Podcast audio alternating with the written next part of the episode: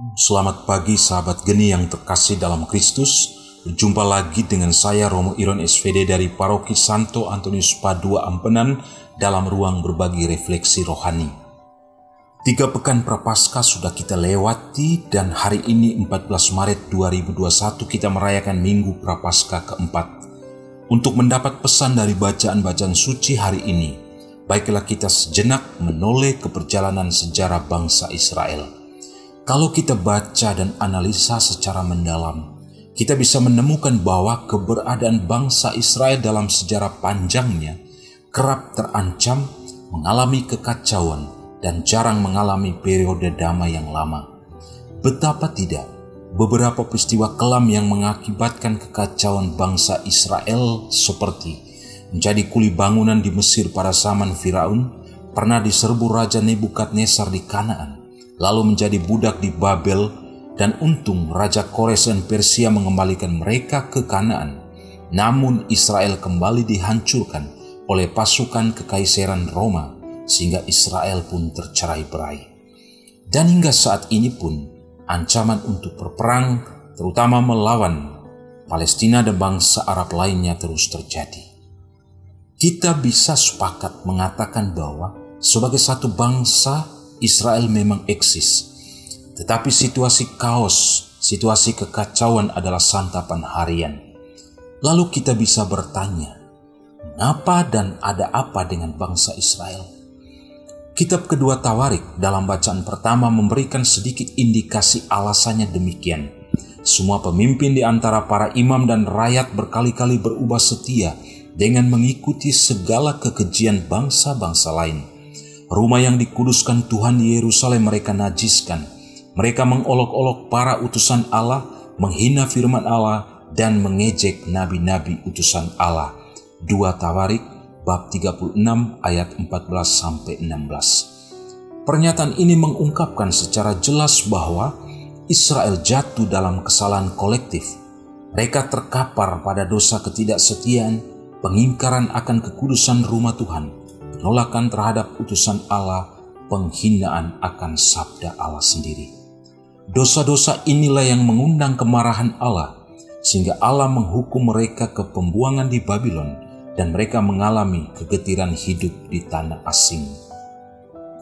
Terlepas dari kekacauan dan kejatuhan yang menyebabkan Allah marah, di sisi lain diakui juga bahwa sejarah Israel sebagai bangsa terpilih tidak terlepas dari hadirnya aspek belas kasihan dan kerahiman Allah dengan indikatornya seperti Nabi Musa dipakai Allah untuk mengeluarkan Israel dari perbudakan Mesir. Raja Kores dari Persia ditunjuk Allah untuk membawa sisa-sisa kecil kembali ke Israel dan membangun Yerusalem yang berantakan. 2 Tawarik bab 36 ayat 22 sampai 23. Sesungguhnya Allah bisa sungguh-sungguh marah bila orang menjadi oposisi buta darinya. Tetapi kemarahannya bisa berakhir dan Allah yang Maha Rahim akan mengalirkan pengampunan kalau orang berani membangun tanda pertobatan dalam dirinya. Tentang kerahiman Allah ini diperlihatkan juga dalam Injil hari ini ketika Nikodemus menarik diri dari keramaian untuk ada bersama Yesus dalam kesunyian guna mengadakan semacam retret pribadi. Kepada Nikodemus Yesus katakan, "Sama seperti Musa meninggikan ular di padang gurun, demikian juga anak manusia harus ditinggikan, supaya semua orang yang percaya kepadanya beroleh hidup yang kekal. Karena begitu besar kasih Allah akan dunia ini, sehingga ia telah mengaruniakan anaknya yang tunggal." Yohanes bab 3 ayat 14 sampai 16 kerahiman dan kebaikan Allah adalah menyuruh anak tunggalnya untuk mati dan ditinggikan dengan maksud dan tujuan seperti dikatakan Paulus kepada jemaat di Efesus dalam bacaan kedua agar manusia yang mati karena kesalahannya diselamatkan berkat kasih karunia Allah. Efesus bab 2 ayat 5. Saudara-saudari yang terkasih dalam Kristus Yesus, sangat boleh jadi kehidupan orang beriman ibarat sejarah Israel yang dipenuhi dengan kekacauan tetapi sekaligus mengalami belas kasihan Allah. Kalau mau jujur, dalam hidup ini, setiap kaum beriman menerima begitu banyak rahmat Allah seperti keberhasilan, kesuksesan, kesehatan, kebahagiaan, pekerjaan, rumah, keluarga, sahabat, dan berbagai kemudahan lainnya. Walaupun diakui tidak semua mendapatkan porsi yang sama, karena toh Tuhan menginginkan agar manusia berkembang dari kreativitasnya.